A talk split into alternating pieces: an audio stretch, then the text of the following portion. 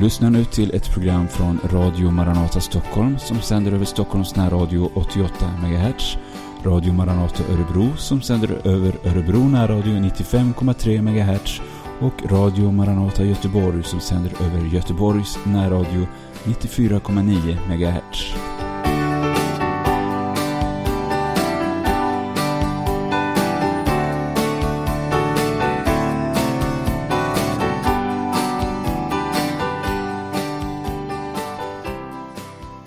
Programledare för den här sändningen det är Berno Vidén. Jag överlämnar ordet. Ja, jag sitter i Palave i Dominikanska republiken och eh, i studion då, fast på olika platser runt om i världen, så har vi då, som vi hörde, Sebastian Vidén. Hans Lindelöv, han är i Långshyttan i Dalarna i Sverige och så har vi Paulus Eliasson som är med oss från Rumänien. Och vi har en timmes program framför oss.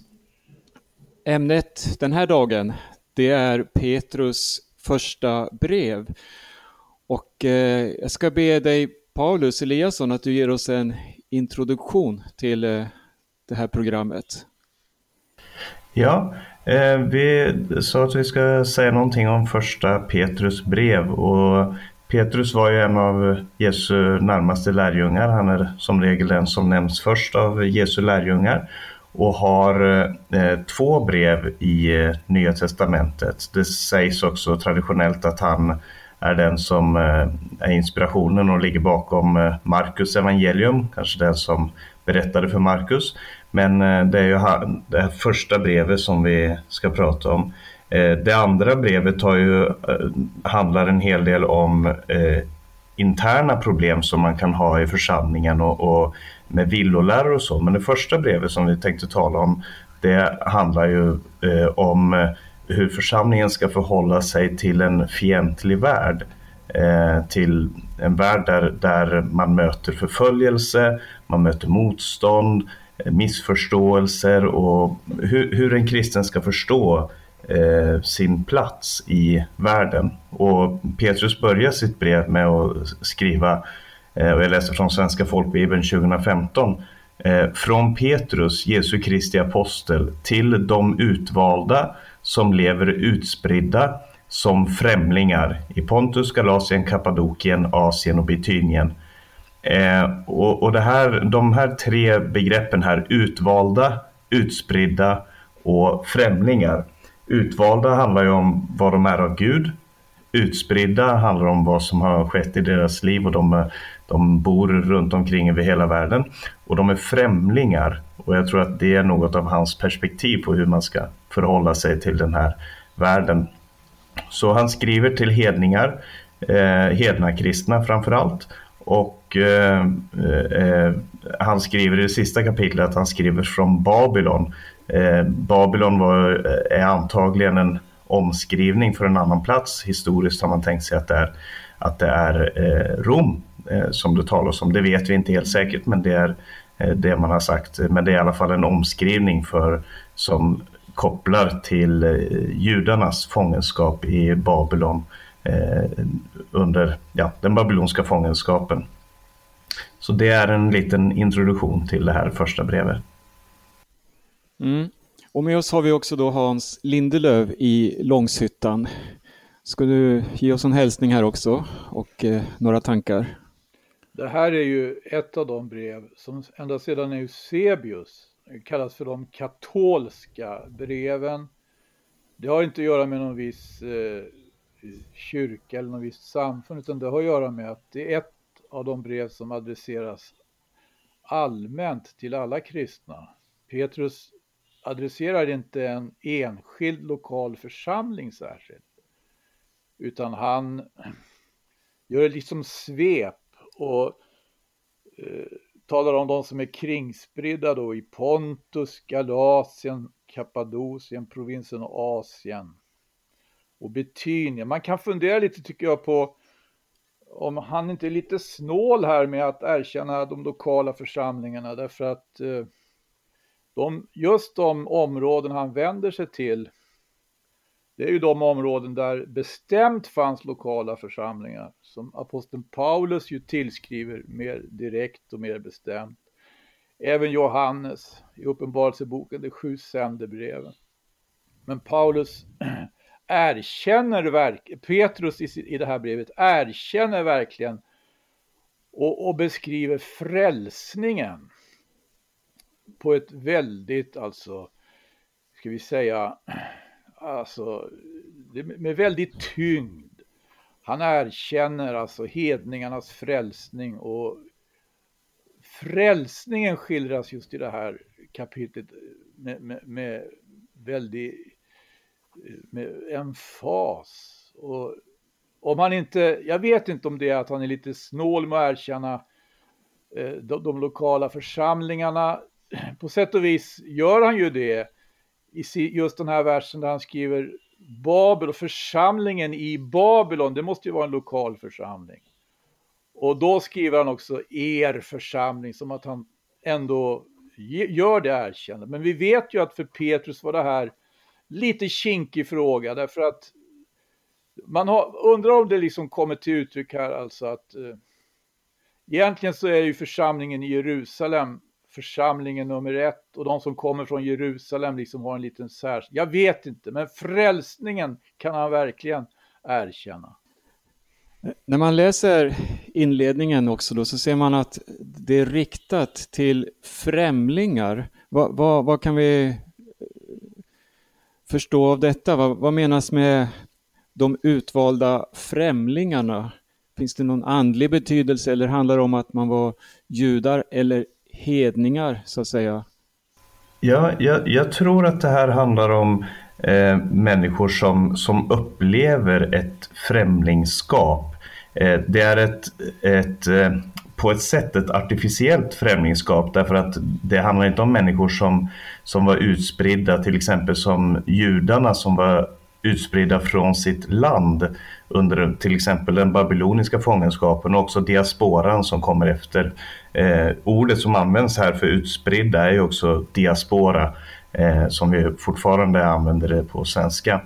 Eh, men det här, så det, jag tror inte att det här först och främst handlar om människor som är utspridda därför att de har gått bort från sitt hemland. Utan det handlar om människor som är främlingar därför att de eh, tillhör ett annat rike. Och man upplever det här främlingskapet som, som troende, som kristen. Eh, därför att den här världen eh, följer andra regler, följer ett annat system. Medan vi tillhör den korsfäste så tillhör den här världen eh, sina diktatorer och, och, sina världsledare. Jag tror att det är det det handlar om. Då, då kommer vi till den här frågan också. Om man är främlingar här i världen, vad har man då för medborgarskap? Alltså var hör man hemma någonstans? Och det står så här i den sjuttonde versen i slutet så här. Så vandra här i gudsfruktan under er tid som främlingar. Men det måste ju också vittna om att det finns ett annat medborgarskap då. Man är ju medborgare någonstans. Mm. Eh, flera gånger i första kapitlet så talar han ju om ett hopp. Eh, I tredje versen säger han välsignad är vår Herre Jesu Kristi Gud och Far. I sin stora barmhärtighet har han genom Jesu Kristi uppståndelse från de döda fött oss på nytt till ett levande hopp, till ett arv som aldrig kan förstöras, fläckas eller vissnas och som förvaras åt er i himmelen. Så himlen är på, på ett sätt vår, vårt hopp och vårt arvs eh, bank. Det är där vi har vårt, vår, vårt arv säkrat. Eh, och, och, han säger eh, i vers 9 att eh, målet för vår tro, han säger ni är på väg att nå målet för er tro, era själars frälsning. Alltså att själen ska räddas, att vi som människor ska räddas. Och, och som du också sa i, så talar han ju om det här eh, Eh, senare i, i kapitlet där han, han talar om det här hoppet så, eh, som vi har. Eh, genom honom, står det i 21 versen, tror ni på Gud som har uppväckt honom från de döda och gett honom härlighet, så att er tro och ert hopp står till Gud. Och det, det är ett budskap till en förföljd församling, eh, en, en hånad och missförstådd församling. Och de säger helt klart, vi har ett annat hopp än det som hör till den här världen. Mm. Jag, jag, har fått ett utkast eh, inför det här programmet. Jag förstår att du Paulus har eh, förberett det här. Och det har en del frågor också. Just eh, vad är syftet som Petrus har med eh, att skriva det här brevet? Vad vill han att vi ska tänka på eller göra? Och det måste ju finnas något som också motiverar till att det här brevet har, har eh, blivit en del utav Bibeln, alltså vår stora bok här i tiden som ska leda oss genom, eh, ja, så att vi ska komma rätt och så vidare. Vad, vad, vad har vi att eh, säga om det? Vad, vad är det för syfte Petrus har med att skriva det här brevet?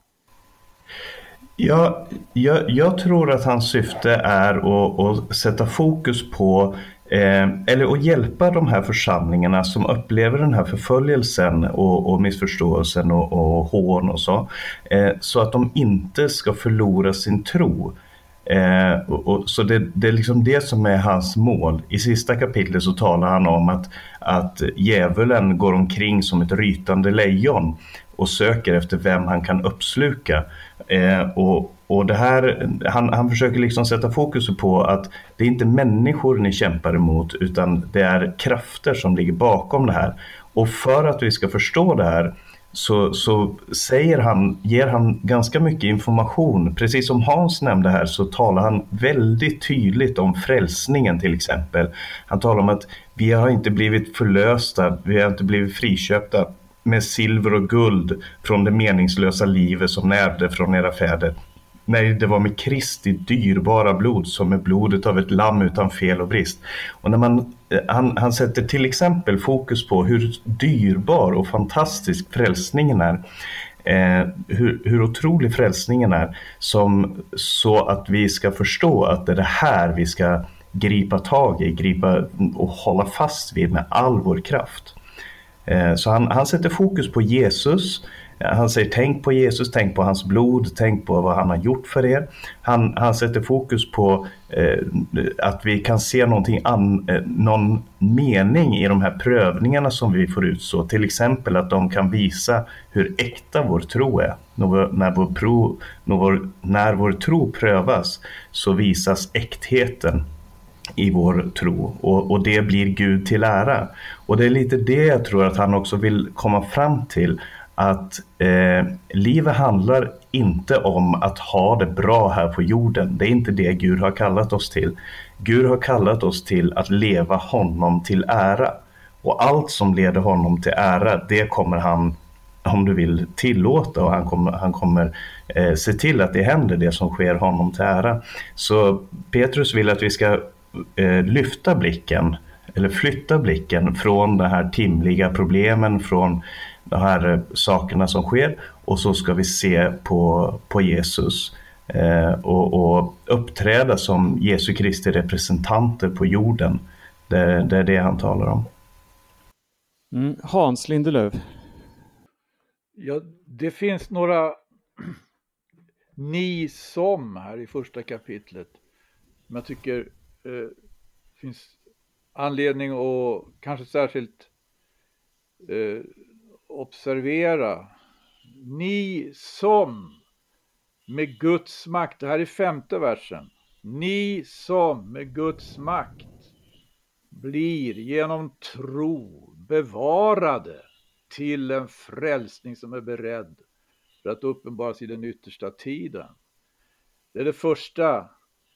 Sen kan vi också se till exempelvis vers 9, det står eh, ni, eh, det handlar om ni som är på väg att vinna det som är mål för tro, nämligen era själars frälsning.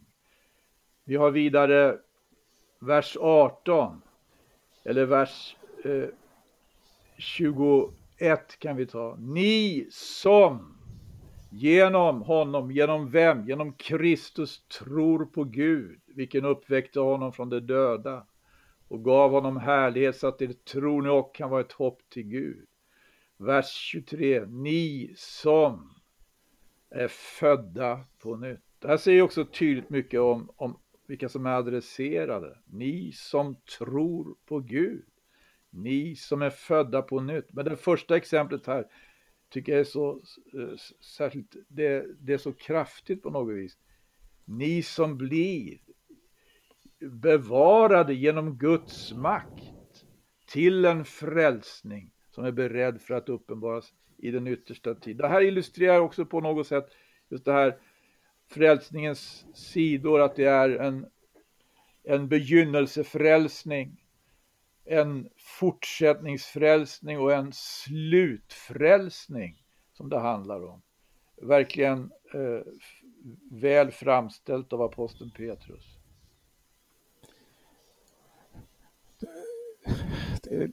En fråga som eh, kommer till mig, det, det, är det här på vilket sätt ska vi då kunna bevaras?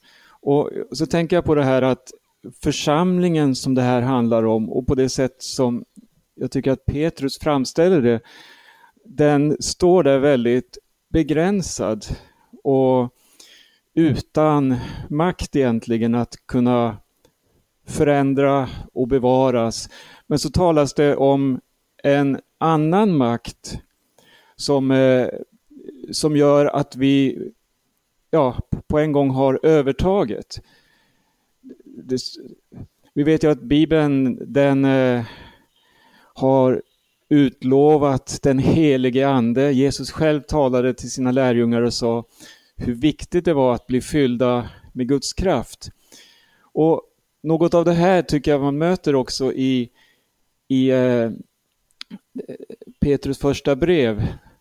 När han talar om hur vi är utvalda och hur vi som levande stenar byggs upp till ett andligt hus och ett heligt prästerskap som ska frambära andliga offer.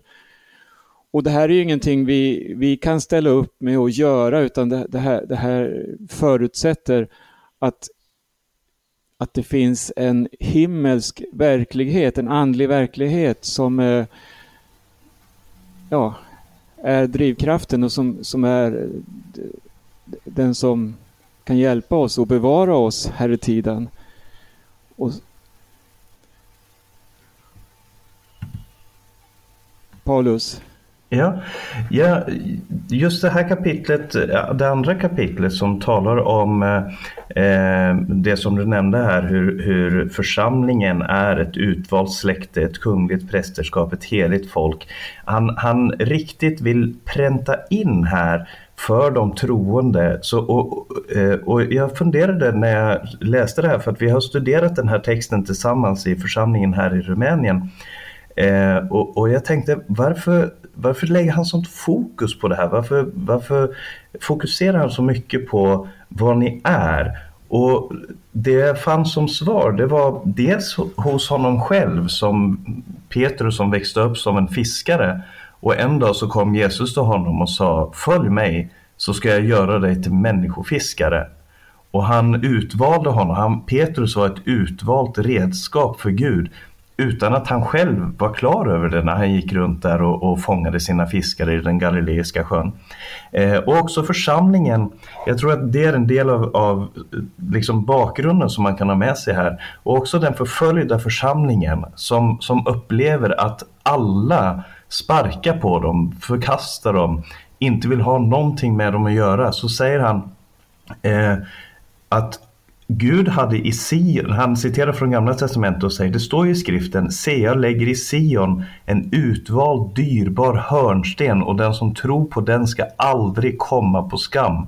Och så säger, kommenterar Petrus det här och säger, för er som tror är den alltså dyrbar, men för de som inte tror har stenen som husbyggarna förkastade blivit, eh, eh blivit en hörnsten, en stötesten och en klippa till fall. Så de här människorna som var runt omkring församlingen, de som inte trodde, de upplevde att den sten som Gud hade utvalt som hörnsten i sitt byggverk, den upplevde de som en stötesten. Eh, och, och om de talar så om vår frälsare, om vår Herre Jesus Kristus, hur ska de då inte prata om oss? Och så säger Petrus, ja den här världen, de kallar er för, för de förkastar er, men ni är ett utvalt släkte, ett kungligt prästerskap, ett heligt folk, ett Guds eget folk. Jag tror att, och, det jag tror man kan lära sig av det här är att, att eh, sätta fokus på hur Gud ser på oss. Hur, och, och när man grips av, av ångest, förtvivlan och allt det här som på grund av det som övergår världen, det som övergår folk och det som övergår ens eget liv. Så, ska man, så kan man komma tillbaka till det här och sätta fokus på hur ser Gud på er? Eh, och så citerar han också från Hosea, där Hosea säger i, i eh, eh, i, sitt, eh, i, i Gamla Testamentet eh, och han talar om Israels folk och hur Gud önskar att förlösa dem och, och, och friköpa dem. Eh, och så säger Hosea, ni som förr inte var ett folk är nu Guds folk. Ni som inte hade fått barmhärtighet har nu fått barmhärtighet. Och det här tar Petrus och så applicerar han det direkt på församlingen och säger, ni var inte ett folk, men ni är Guds folk. Ni, var, ni hade inte barmhärtighet, nu har ni fått barmhärtighet. Och det tror jag är ett av de sätt som han, som han uppmuntrar församlingen att fortsätta att kämpa. Mm, en förutsättning för den nya livsstilen kanske man kan säga. Men Hans Lindelöf, varsågod.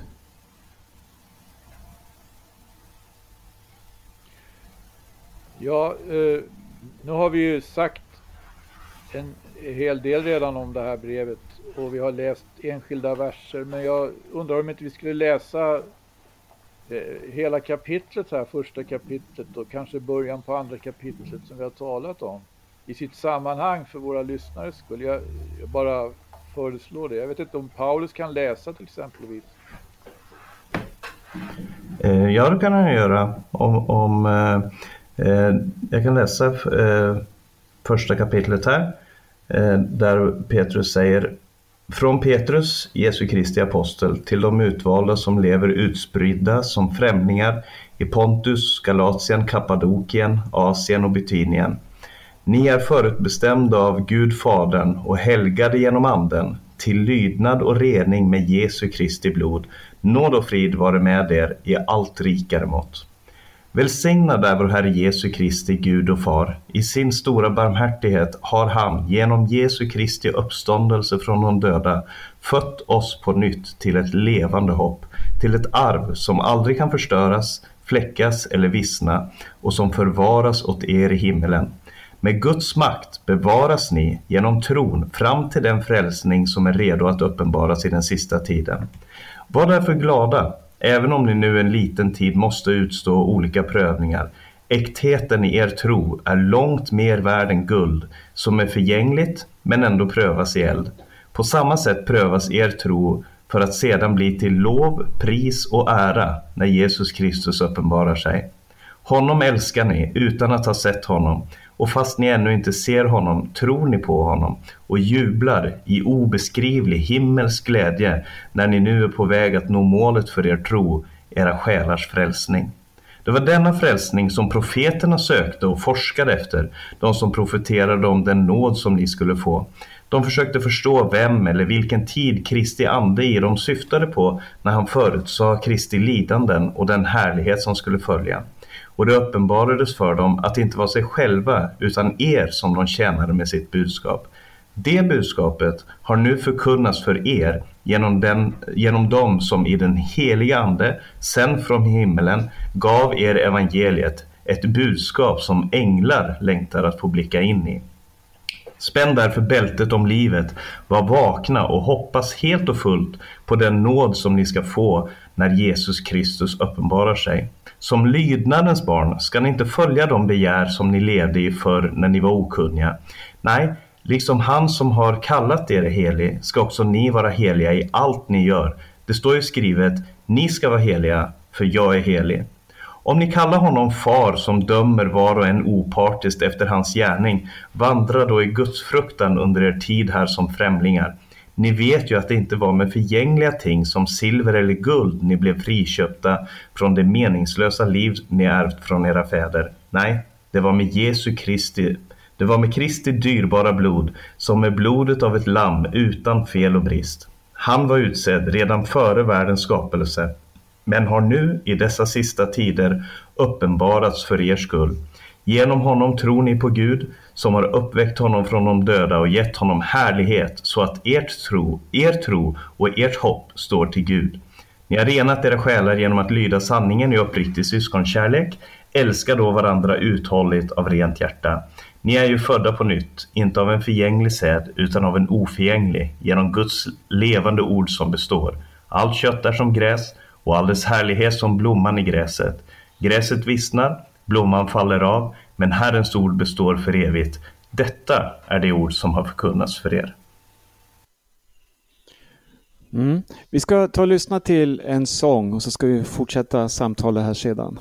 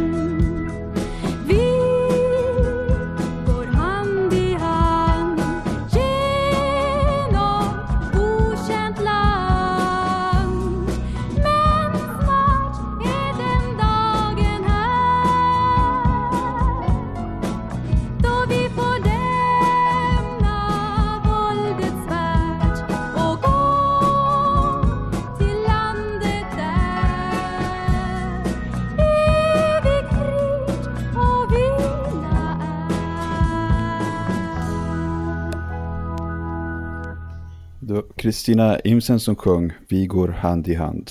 Berno. Ja, när vi läser första Petrus brev så finns det en enorm eh, Kristuspresentation. Vi förstår ju av Petrus att han hade personliga upplevelser av Jesus. Han eh, var ju en av Jesu närmaste lärjungar och hade erfarenheter som ingen annan kanske också genom dessa svåra stunder han gick igenom när han till och med förnekade Jesus och gick ut och grät bittert. Men han fick upprättelse och han fick möta Jesus på nytt och han fick möta den uppståndne Jesus. Och, och det finns flera verser här som eh, talar om Petrus lära, kan vi säga, om Kristus.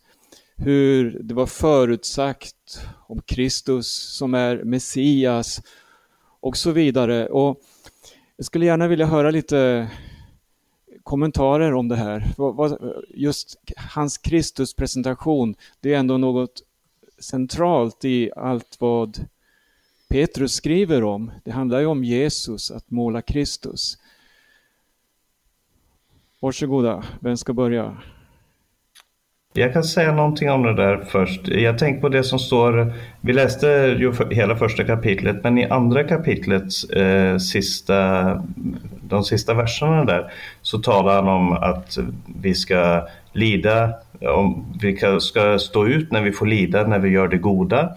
Och så säger han, till detta är ni kallade, Kristus led i ert ställe och efterlämnade ett exempel åt er för att ni ska följa i hans fotspår.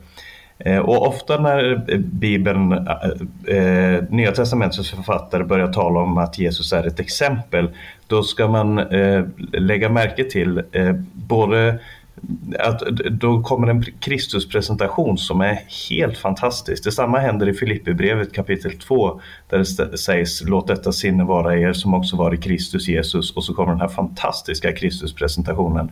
Och här också, han hade inte begått någon synd och inget svek fanns i hans mun.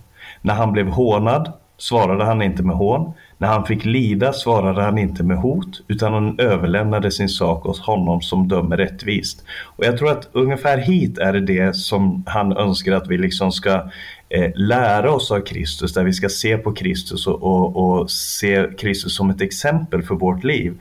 Men sen så kommer den här fantastiska presentationen av vad Jesus har gjort för oss.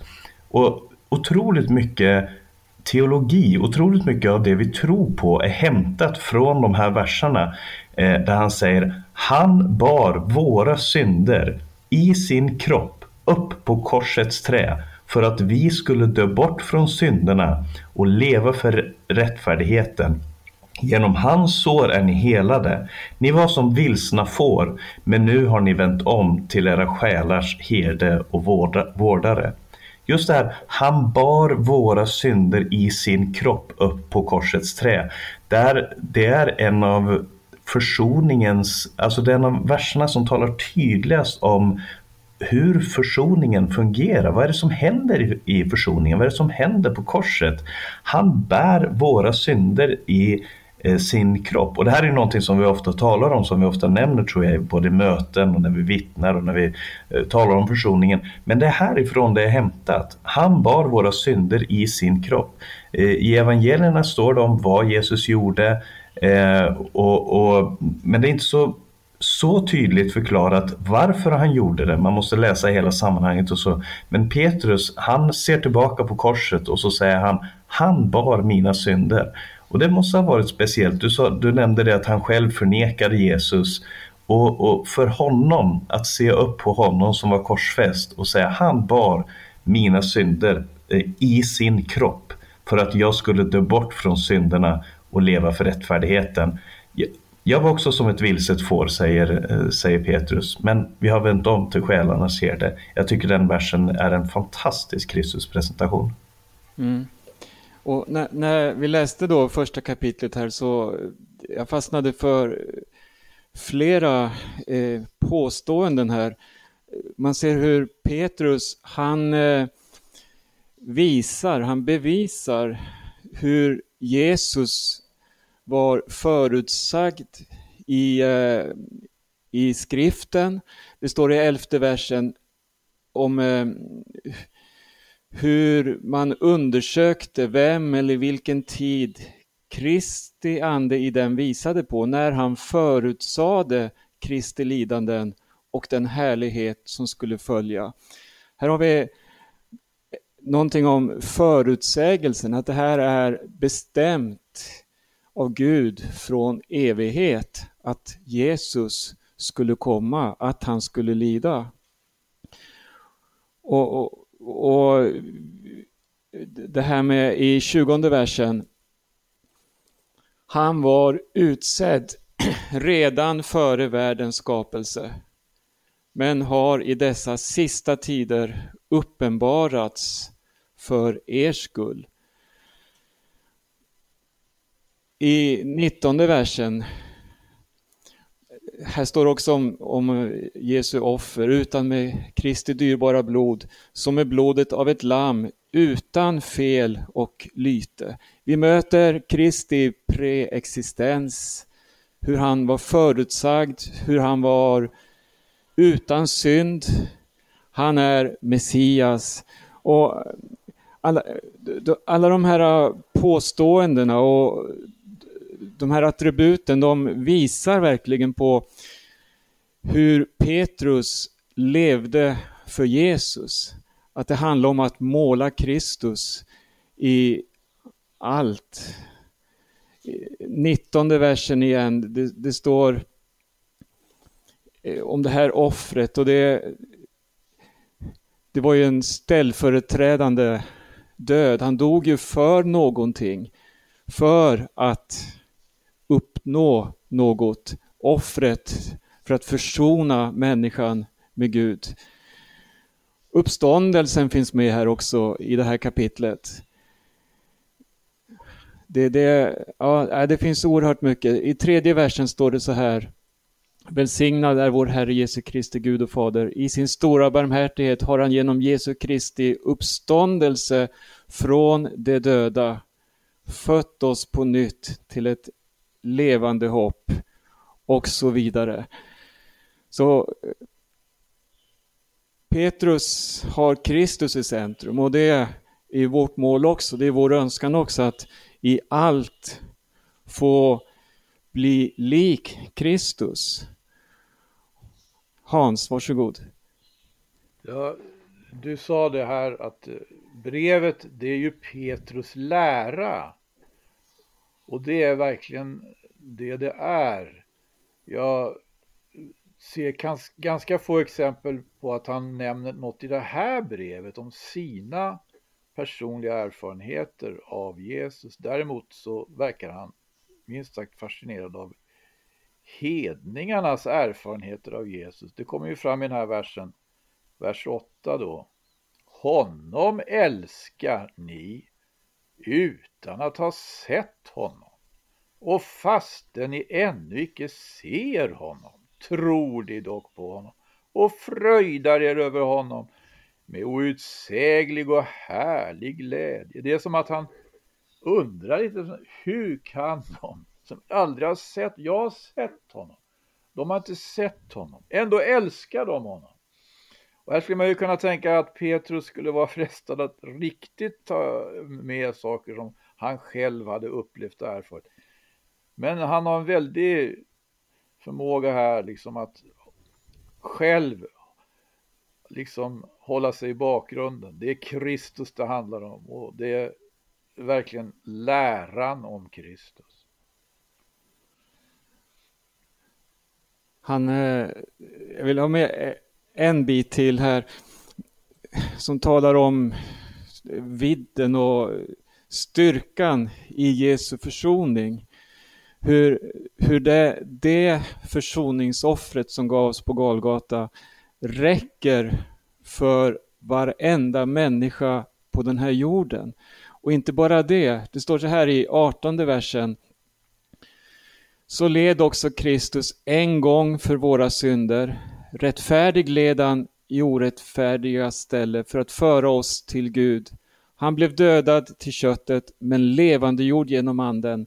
Och i anden gick han bort och utropade ett budskap för andarna i fängelset. Alltså budskapet rådde, nådde ända ned in i dödsriket. Det står om honom som befriade fångar. Eh, det, det var ett stort uttåg ur dödsriket den här dagen då Jesus tågade in där. Han tog nycklarna från döden och dödsriket. Den eh, optimala segern över döden var vunnen. och ja, här, här, här eh, möter vi alltså Kristus på många sätt. Har vi någon fler kommentar här så varsågod. Ja, jag, jag tycker att eh, han eh, eh nämner också flera gånger eh, det här förhållandet mellan förföljelse och eh, eh, upphöjelse eller förföljelse och, och härligheten som man ska få uppleva som är en tydlig koppling till Jesu undervisning i bergspredikan. Vi talar om vad, vad, Jesus har gjort och vad Jesus har åstadkommit både i Petrus liv och i församlingens liv. Så tycker jag att det också är, är viktigt att, att ta med att han, han eh, hans budskap är ingenting som han har kommit på själv. Det är erfarenheter som han har, eh, som han har fått göra tillsammans med Jesus och, som, och undervisning som han har hört från Jesus. Och eh, Eh, eh, konklusioner som man har dragit från det faktum att Jesus uppstod från de döda. Att han dog, att han uppstod. Han har liksom haft många, många år, det här är ju skrivet kanske en 30 år efter Jesu döda uppståndelse. Han har haft 30 år på sig kanske och, och sitta ner och fundera. Vad betyder det här? Vad är det här för någonting? Och helt plötsligt så kommer det här budskapet ifrån bergspredikan. Saliga är ni när människor hånar och förföljer er. Och han använder nästan samma Eh, sätt att uttrycka sig i det här brevet när han talar om den salighet och den glädje som man kan få uppleva. Ni, ni gläder er mitt i prövningarna för ni vet att prö prövningen leder till en äkta tro. Så han, han har också den här kopplingen till Jesus, inte bara att tala om vad Jesus gjorde och så, men också kopplingen direkt till hans undervisning och vad den betyder för hans egen undervisning. Ska vi lyssna till en sång till och, och så, så, funderar vi på det här. Vad innebär bär detta som Jesus har gjort för oss, för vårt liv, för vår tjänst i Guds rike, att leva ett liv i Guds vilja? Vi lyssnar till en sång.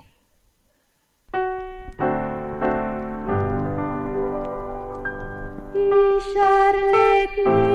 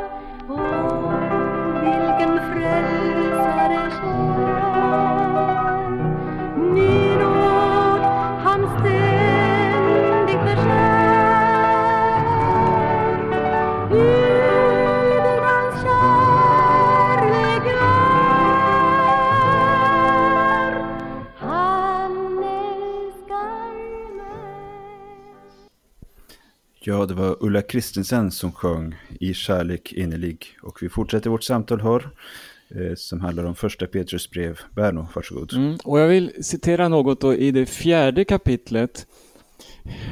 Pa, eh, först här, Paulus han skriver så här att vi var så till sinnes eller har samma tänkesätt som Jesus hade. Och Petrus han skriver så här jag tänker på den här Kristuspresentationen vi har berört här. Så står det i kapitel 4, vers 1. Då nu Kristus har lidit till kroppen skall också ni beväpna er med samma sinne. Ty den som får lida till kroppen har slutat synda, så att han den tid som är kvar inte längre lever efter människors begär, utan efter Guds vilja.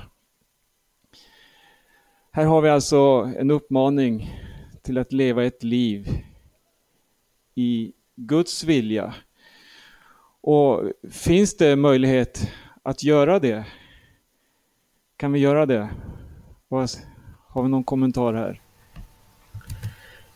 Ja, jag, jag, tycker att det är fantastiskt att se. Eh, förra, vi har eh, haft ett eh, tidigare program där vi pratade om, om det här coronaviruset som går över jorden och då nämnde du Berno om kristna i, i Kina som har levt under förföljelse, som lever under förföljelse, som när det här skedde valde att gå ut och tjäna människor i en fientlig värld.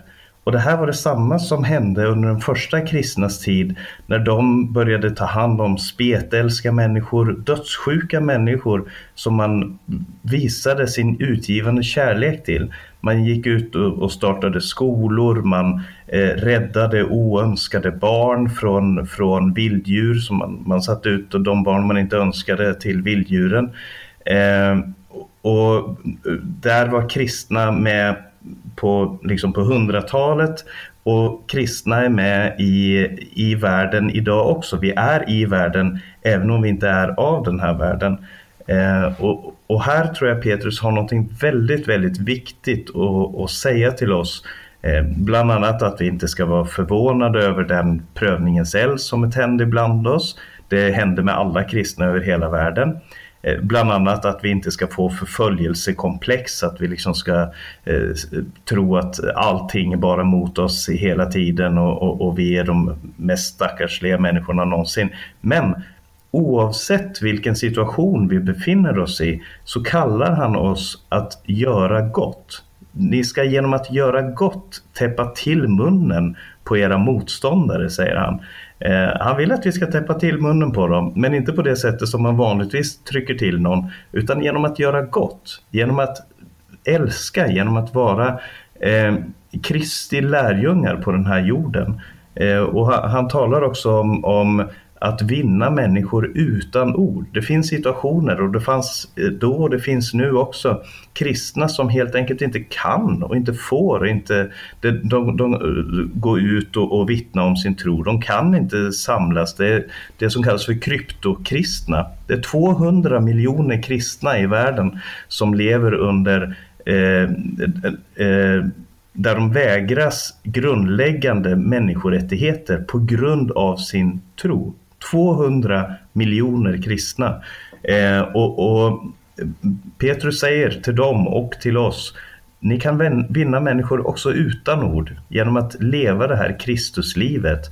I, eh, i kapitel eh, 3 och vers 1 så talar han om hustrur som har män som inte är troende och säger att ni hustrur ska underordna er era män Eh, så att även de män som inte vill tro på ordet kan vinnas utan ord genom sina hustrurs liv när de ser hur gudfruktigt och rent ni lever. Och så talar han om, om hjärtas fördolda människa, den oförgängliga skönheten hos en mild och stilla ande som är mycket dyrbart i Guds ögon. Så Petrus har väldigt praktiska eh, förslag och, och, och, praktisk undervisning om hur man ska klara av att leva i en, i en ond och, och, och ja, en, en värld som står emot oss helt enkelt. Mm. Jag tänker på utsädet som det står om. Det är många gånger de troendes tårar eller martyrernas blod. Det, det, har ju visat sig historiskt och det visar sig också i våra dagar att där den svåraste förföljelsen råder, där är det också flest människor som tar evangelium på allvar och omvändelser som, som bär en bestående frukt. Och det, det här är ju oerhörda hemligheter. Om man ska se allting på ett världsligt sätt, på ett politiskt sätt, så, så handlar ju det om styrka och, och majoritet för att kunna vinna terräng. Att man ska bli världsledande inom olika områden. Men när vi kommer till evangelium, då ser vi det som ingenting var, det utvalde Gud. Och så visar han genom det som ingenting var att här finns det en oerhörd kraft och det är evangelium som kan förvandla människor, som kan göra människor nya. Och, och förföljelsen som, som vi talar om här, den eh, har ju också kommit eh, på tapeten i Sverige under eh, senare tid genom eh, migrationspolitiken. Vi, vi, kan se hur många kristna har blivit eh, ja, utvisade trots att man vet att då man kommer till sitt hemland så riskerar man dödsstraff eller riskerar att förföljas på grund av sin tro. Och det här är något vi får uppleva, det här är någonting som, ja, som verkligen eh, eh, har blivit en naturlig del i den kristnes liv här i tiden. Och nu tycker jag att vi kommer tillbaka till det här som handlar om att leva som främlingar här i tiden. Vi har också en eh Eh, ett vittnesbörd som vi har nämnt om tidigare här. Jag tänker på det som eh, sker i samband med det här coronaviruset som sprids som eh, verkar få så stora effekter på både hälsa och ekonomi. Det skapar oro verkligen över hela världen. Börserna idag eh, har vi sett har ha, ha rasat med många procent. Men också i de här situationerna, i de här sammanhangen så kan vi se hur Jesu lärjungar som eh, exempelvis i Kina som som eh, vanligtvis är förföljda av myndigheterna. De kan inte samlas, men nu har man gått ut för att betjäna människor och hjälpa människor med fara för sitt eget liv. Så har man vunnit respekt genom att träda fram och räcka ut sin hand till människor som lider under, under detta. Så ja, evangelium kan levas efter Guds vilja. Och det är Guds kraft och den helige Ande som är styrkan och som ger oss kraft att bli hans vittnen här i tiden.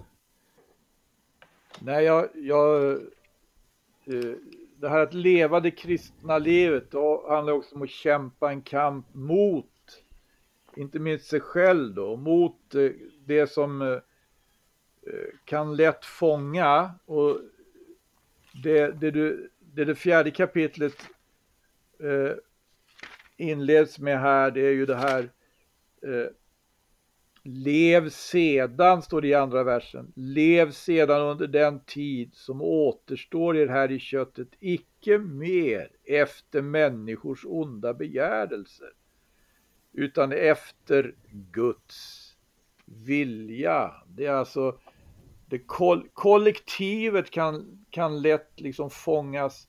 Gruppegoismen kan lätt infinna sig. Men innan det så är han ju också inne på hur man som enskild individ måste vara beredd att kämpa mot det som man själv bär på av tendenser som drar i en annan riktning än det som är Guds vilja. Mm. Paulus, du får några slutord. Ja, ja, som slutord så kanske man skulle ha sagt någonting om eh, det som står i fjärde kapitlets sjunde vers. För där står det nämligen slutet på allting är nära. Och det låter som en, en eh, överhettad predikant eh, som står ute på, på torget med en stor skylt och, och säger slutet är nära. Och det är någonting av det här budskapet som, som Petrus har också. Han, han uppmanar till uthåll, till att vara uthållande därför att, och så säger han så här, slutet på allting är nära. Därför, inte få panik, inte, inte få förföljelsekomplex, men han säger var därför kloka och nyktra så att ni kan be. Framför allt ska ni visa uthållig kärlek till varandra, för kärleken överskyler många synder. Var gästfria mot varandra utan att klaga. Tjäna varandra, var och en med den nådegåva han har fått, som goda förvaltare av Guds mångfaldiga nåd. Jag tycker Petrus, han, han eh, han är med på att skapa, han önskar att skapa en kristen kultur som är nykter, som är bedjande, som är uthållig i kärlek, som är gästfri utan, utan att klaga, som tjänar varandra. Det är det här församlingen är kallad att vara i den här yttersta tiden. Slutet är nära. Låt oss be. Låt oss älska. Låt oss vara gästfria. Gästfria, det på grekiska är det eh, philoxenos som betyder älska främlingen. Låt oss älska främlingen utan att klaga och tjäna varandra var och en med den nådegåva han har fått som goda förvaltare av Guds mångfaldiga nåd. Vi har fått en nåd som vi ska förvalta. Det är församlingens uppdrag och det ska vi tjäna varandra med. Ja, det får bli sista orden i det här samtalet om Petrus första brev. Och du lyssnar alltså till ett program från Radio Maranata, Radio Maranata Stockholm som har sänt nu Eh, över Stockholms närradio 88 MHz, Radio Maranata Örebro som sänder över Örebro närradio 95,3 MHz samt Radio Maranata Göteborg över Göteborgs närradio 94,9 MHz. Och eh, vill du ha mer information, vill du ha kontakt så är du varmt välkommen att besöka oss på vår hemsida på www.maranata.se. Du kan även mejla oss på info maranata.se om du har frågor. Eh, vi avslutar då med en sång och det är Kristina Imsen som sjunger There is a crown to win.